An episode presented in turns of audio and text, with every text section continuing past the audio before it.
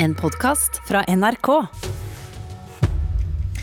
Mange foreldre vet ikke at barna deres eh, spiller eh, dataspill med 18 års aldersgrense. Det kommer frem i en ny undersøkelse gjort av Medietilsynet. Det er et stort behov for å snakke mer sammen, det mener lederen i tilsynet.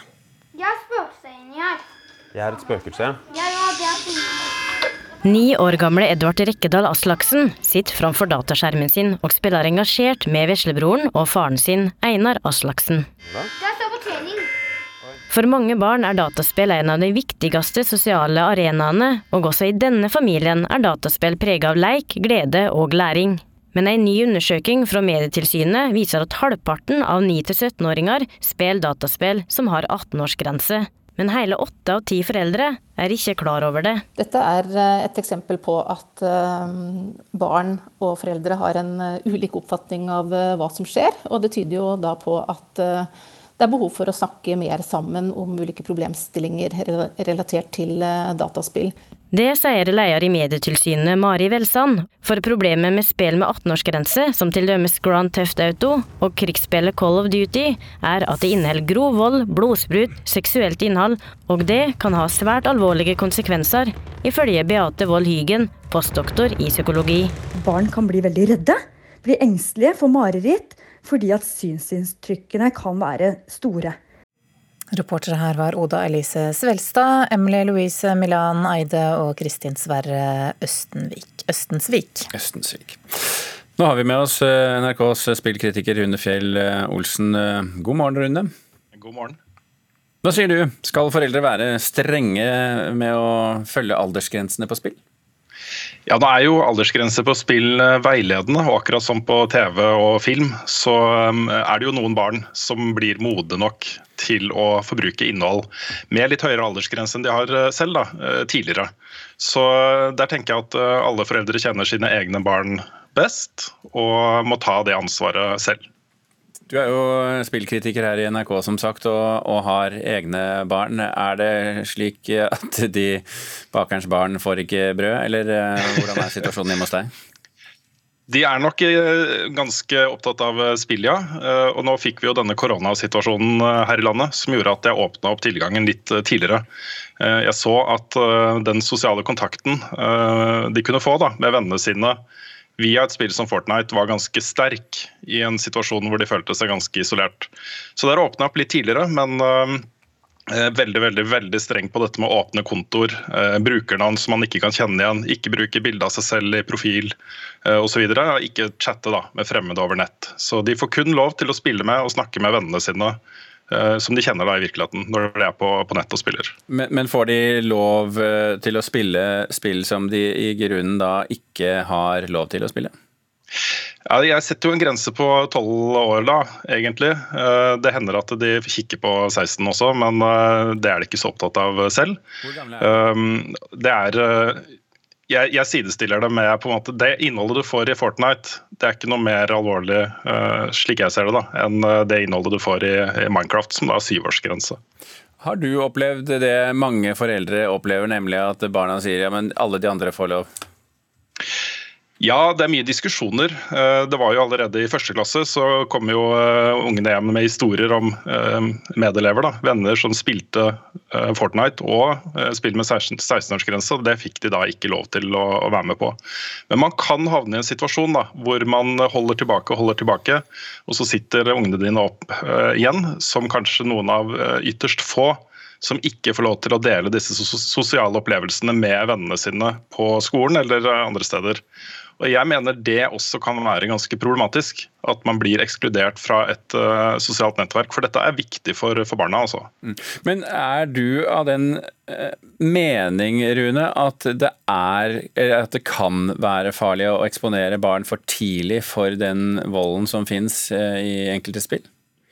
Jeg mener at foreldre må være veldig veldig obs på denne 18-årsgrensen spesielt. Eh, der er det mange spill som er laget for voksne. og Da handler det ikke bare om voldsbruk og den type ting, men det handler om inntrykk som kan være ganske sterke. Så 18-årsgrensespill tenker jeg det må foreldre være ekstra på vakt over. nå er det jo ingen undersøkelser som viser at dette er skadelig, men jeg tenker at uansett om det er syvårsgrense, treårsgrense, tolvårsgrense, 18-årsgrense, uh, hvis man bare sitter og spiller disse spillene uten oppsyn fra foreldre, uten noen som hjelper barna da, ved å prosessere disse inntrykkene, så kan det være uh, skadelig for utviklingen. Det, det, tror jeg. Svar meg litt kort på siste spørsmålet her, Rune. Uh, Medietilsynet sier at barn og foreldre må snakke mer sammen. Hva er det de skal snakke om? Hvis man ikke snakker med barna om spill, også hvis du har barn som spiller masse og er veldig opptatt av spill, og de har lyst til å snakke om det hele tiden eh, med foreldrene sine, og du ikke deltar i den samtalen, så deltar du heller ikke fullt ut i livene til barna dine. Så eh, du gjør deg ikke selv noen tjenester også, hvis du skal bare gå og klage på tidsbruk og, og sånne ting helt til de er 18 og flytter hjemmefra. Det handler mer om å ha en god tone med barna dine. Rune Fehl Olsen, NRKs spillkritiker, takk for at du var med i dag. What would you do if there were mice running all around this hotel? I would call the exterminator. You see, girls? He would exterminate those brats! Mm, dette er lyd fra den nye filmen The Witches med Anne Hathaway i rollen som sjefsheks. Talspersoner for folk med nedsatt funksjonsevne går nå hardt ut mot denne filmen, og kulturreporter Ida Yasin Andersen, hva er grunnen til det? Det er rett og slett pga. rolledesignet. Hvordan Anne Hathaways hekserolle ser ut. I filmen har hun deformerte føtter og hender med tre fingre på hver eh, hand. Filmen er jo basert på boka 'Heksene' av Roald Dahl. og Som mange kanskje husker, så eh, blir heksene i boka beskrevet med at de har klør som er gjemt eh, under hansker, og firkanta føtter uten tær. Etter filmen ble sluppet forrige måned, har flere personer med nedsatt funksjonsevne reagert. Men helt konkret, hva er det kritikken eh, går ut på? Altså Sånn som Hexo ser ut i filmen nå, så kan det ligne på en tilstand kalt split hands, eller ektodermal dysplasi, som ifølge Helse Norge er i gruppa sjeldne arvelige tilstander som bl.a. kan gi karakteristiske skjelettendringer i hender og føtter. Og nå har altså folk med denne eller lignende tilstander starta emneknaggen 'Not a witch' i sosiale medium, og posta bilder av hendene og føttene sine. Hva sier produksjonsselskapet? Warner Bros og Anne Hathaway har beklaga seg, men mange mener at skaden allerede er skjedd. Og Den britiske bakeren Brioni May Williams, som mangler mesteparten av venstrehånda si, skrev på Instagram at denne kritikken ikke handler om å være oversensitiv eller politisk korrekt, men at det handler om at uh, sånne tilstander blir uh, fremstilt som stygge, skremmende, ekle eller onde. Og dette med at den onde i fortellinga blir portrettert uh, med funksjonsnedsetting, mener mange mange er svært skadelig. Ok, Takk skal du ha, kulturreporter Ida Yasin Andersen. Vi skal holde oss til tematikken eh, barnebøker. Vi, eh, det er slik at eh, tegneserier for barn det seiler jo opp som en av høstens mest populære sjangere. Mange dykker nå inn i spenning og fantasy-universet. Jenny Jordals tegneseriemann går da rett inn i et av våre, vår tids største problemer, nemlig spiseforstyrrelser hos barn og unge. Den boken har nå kommet inn i studio, båret inn av vår litteraturkritiker Anne Katrine Straume. God morgen. Hei sann.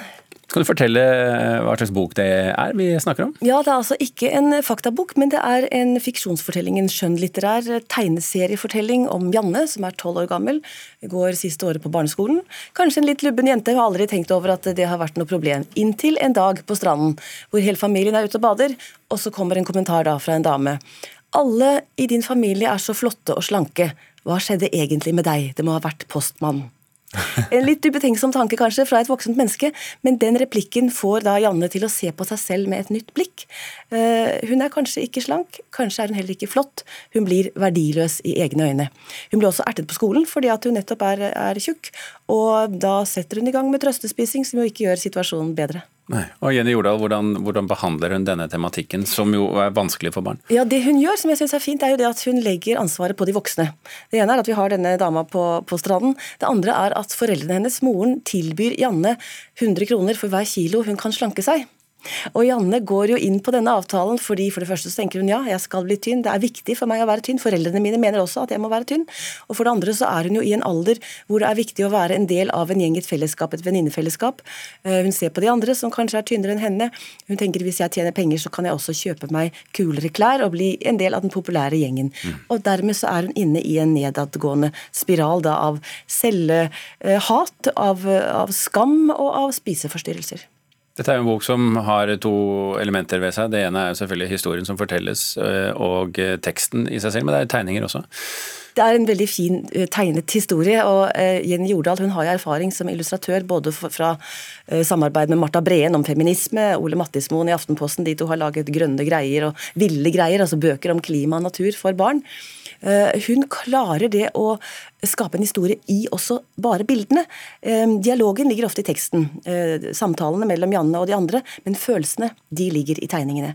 Og når hun da går inn på denne avtalen med moren, så danner det seg et monster bak Janne, som en stor, svart skygge, som blir hennes indre stemme, som hele tiden sier nei, kast matpakken i søpla, ikke spis den på skolen, ut og løp, du trenger å brenne kalorier, eh, fortsett litt til. Når moren begynner å bekymre seg og si at nei, nå syns jeg vi skal stoppe, nå har du blitt litt tynn, så har du dette monsteret bak denne stemmen som sier nei, du skal ikke gi deg. Gjør det at temaer som er vanskelige som dette, er lettere for Jenny Jordal å formidle? Det er et vanskelig spørsmål. Eh, eh, ja, jeg tror altså hun kan hun er god til å uttrykke følelser gjennom illustrasjonene. Hun zoomer ut og inn hvis hun vil fokusere på noen ting. Så er det nesten som en kameralinse at hun går tett tett innpå. Vi kan se f.eks. En, en tåre som går ned på kinnet til Janne idet hun sitter og mesker seg med skoleboller og spiser. så er hun samtidig, Det, det er jo en grunn til at hun spiser, og det er jo derfor også foreldrene kanskje burde ha snakket med henne på en annen måte. Vi har snakket om dataspill her før, før i dag. Å snakke med barna, det er viktig. Jeg tenker Dette er også en bok som kan være ut, et utgangspunkt for samtaler mellom voksne og barna om spising spiseforstyrrelser. Vi skal selvfølgelig ikke gå inn i avslutningen om hvordan dette går, for det må jo folk få lov til å oppleve selv. men vil du si at det er blitt en god bok? Det er en veldig fin bok. og Det um, Jenny Jordal gjør, er også at hun stiller opp en motpol til dette uh, kroppsfikseringen. da, fordi uh, Brage, en gutt i klassen, den mest populære av alle guttene, han blir en god venn med Janne fordi han er opptatt av dataspill. Og det er Janne også. De to er begge gode på det. Og da kan egenskapene, kvalitetene, felles interesse, det kan på en måte skyve vekk da, dette fokuset på kropp um, og, og spiseforstyrrelser, slanking. Ok, Katrine Straume, takk for, uh, for uh, denne bokkritikken i dag. Du har hørt en podkast fra NRK. Hør flere podkaster og din NRK-kanal i appen NRK Radio.